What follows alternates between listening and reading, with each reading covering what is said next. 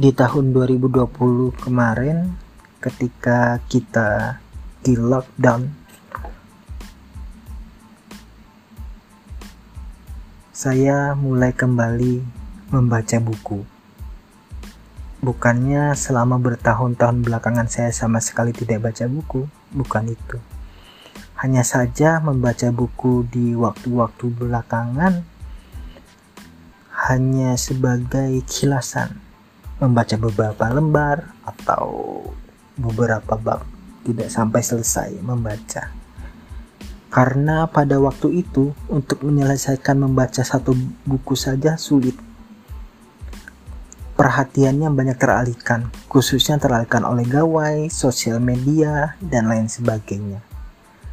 Lalu di pertengahan tahun 2020 kemarin saya berniat untuk menghidupkan kembali minat dalam membaca buku Kali ini ingin menjadikan baca buku sebagai rutinitas sekaligus gaya hidup.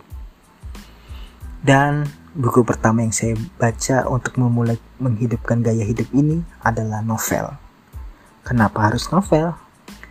Karena novel adalah karya tulis fiksi.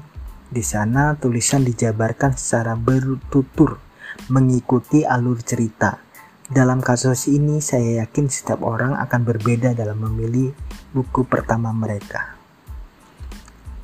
Baca pertama, mengapa harus novel atau karya fiksi lain? Ini tidak terlepas dari saya yang adalah seorang imajinatif. Dan novel ini adalah buku yang tepat digunakan seseorang yang berjiwa imajinatif seperti saya untuk dengan mudah membangun imajinasi ketika membaca. Jika kita tarik lebih ke belakang, ketertarikan saya sama buku dimulai dengan armahum bapak yang sangat suka mendongeng kepada anak-anaknya sebelum kami tidur. Dongeng favorit bapak adalah tentang kisah pewayangan Mahabharata dan Ramayana. Mungkin dari dongeng bapak inilah kemudian membentuk saya menjadi orang yang sangat imajinatif. Selain mendongeng, tentang kisah pewayangan, Bapak juga mendongengkan kisah-kisah lain. Salah satunya cerita tentang kehidupan ketika Bapak masih kecil dan kenapa Bapak hafal cerita pewayangan karena beliau membaca buku pewayangan itu berjilid-jilid banyaknya sedari kecil. Dari situlah saya tahu bahwa Bapak suka baca buku sedari kecil. Selain dongeng, di rumah juga banyak buku-buku novel dan majalah-majalah. Waktu kecil saya tidak terlalu minat baca novel.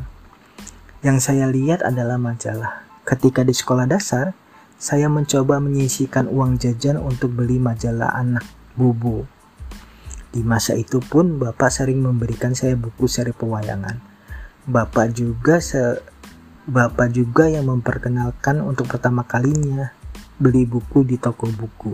Waktu itu saya memilih untuk beli buku komik. Baca komik dan baca majalah sedari kecil membuat saya menjadi seseorang yang memiliki jiwa imajinatif sekaligus visual.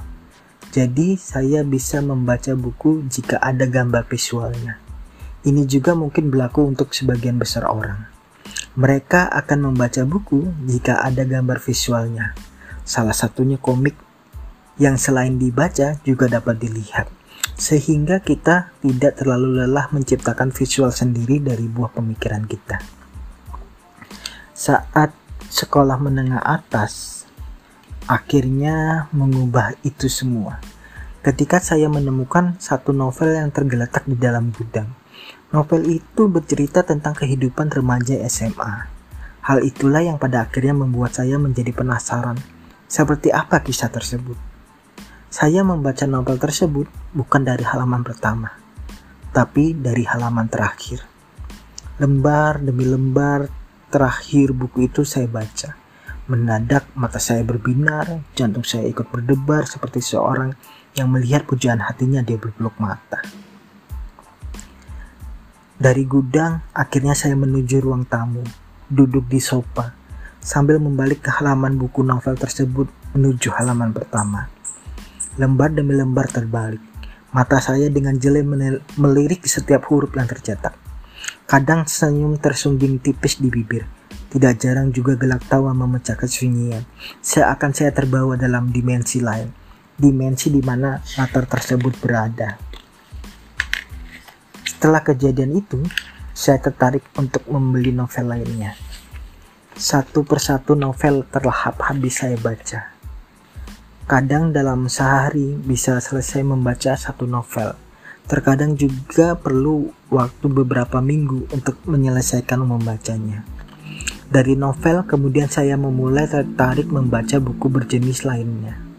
Buku-buku non-fiksi kemudian saya mulai membelinya dan pada akhirnya saya menjadi pembaca segala buku, dari buku agama, sejarah, politik, ekonomi, dan pengembangan diri. Saya ingin memulai gerakan satu pekan satu buku. Hal ini didasari oleh rasa kecemburuan saya terhadap orang-orang terdahulu. Mereka membaca buku, kemudian mereka tuangkan ide dan gagasan mereka untuk membentuk bangsa terlepas dari penjajahan. Serta rasa cemburu ketika para executive officer atau CEO dunia dengan kesibukan yang padat ternyata mereka adalah pembaca buku di atas rata-rata orang membaca. Hal ini kemudian memicu saya untuk mengikuti jejak mereka dengan memulai gaya hidup baru, yaitu satu pekan satu buku. Lantas, bagaimana cara memulainya? Mudah sekali. Mulai membaca buku sekarang juga. Ketika saya membaca novel saya ke Murota, saya punya target harian dalam membaca buku tersebut. Targetnya adalah membaca buku 10-30 halaman per hari. Jadi, dalam waktu dua hari ternyata saya sudah mencapai setengah buku. Di hari ketiga ternyata saya membaca buku tersebut sampai halaman akhir. Pada pe pada pekan selanjutnya, saya membaca buku Berani Tidak Disukai kayak karya Ichiro dan Fumitake sekitar 100 halaman. Tapi membaca buku non-fiksi ini membutuhkan ekstra konsentrasi. Karena untuk memahami satu bahasan pada paragraf, saya bisa mengulang baca 2-4 kali. Jadi saya simpulkan idealnya adalah membaca buku per pekannya minimal satu buku. Bisa lebih dari satu buku per pekan? Tentu saja bisa, silakan kalau Anda mampu. Bahkan mungkin saja satu buku itu tidak akan habis dibaca, hanya dalam waktu satu pekan. Sekarang kita membicarakan tentang masalah teknis. Berikut rumus satu pekan satu buku. Jadi, periksa jumlah halaman buku yang ingin kamu baca. Terus dibagi tujuh hari. Dan kita akan menemukan hasil jumlah halaman harian yang akan kita baca. Pertama, sebagai contoh, Lihat jumlah total halaman yang ingin kamu baca, lalu bagi 7. Itulah jumlah target kamu baca setiap hari. Misalnya jumlah buku kamu ada 160 halaman. Maka 106 dibagi 7 sama dengan 22,857. Berarti target membaca harian kamu adalah 22 sampai 23 halaman per harinya. Jumlah itu sama dengan 11 lembar buku per hari.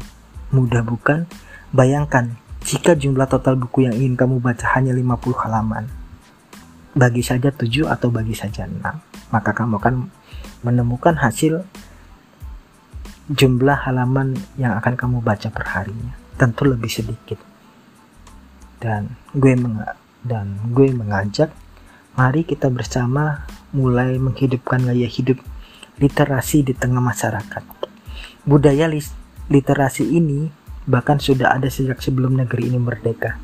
Kita tidak ingin hanya menjadi penonton, kita ingin menjadi pelaku perubahan dunia yang kita tempati. Salam literasi. Sekian podcast gua, terima kasih sudah mendengarkan. Sampai berjumpa lagi di podcast podcast gua selanjutnya. See you next time. Bye.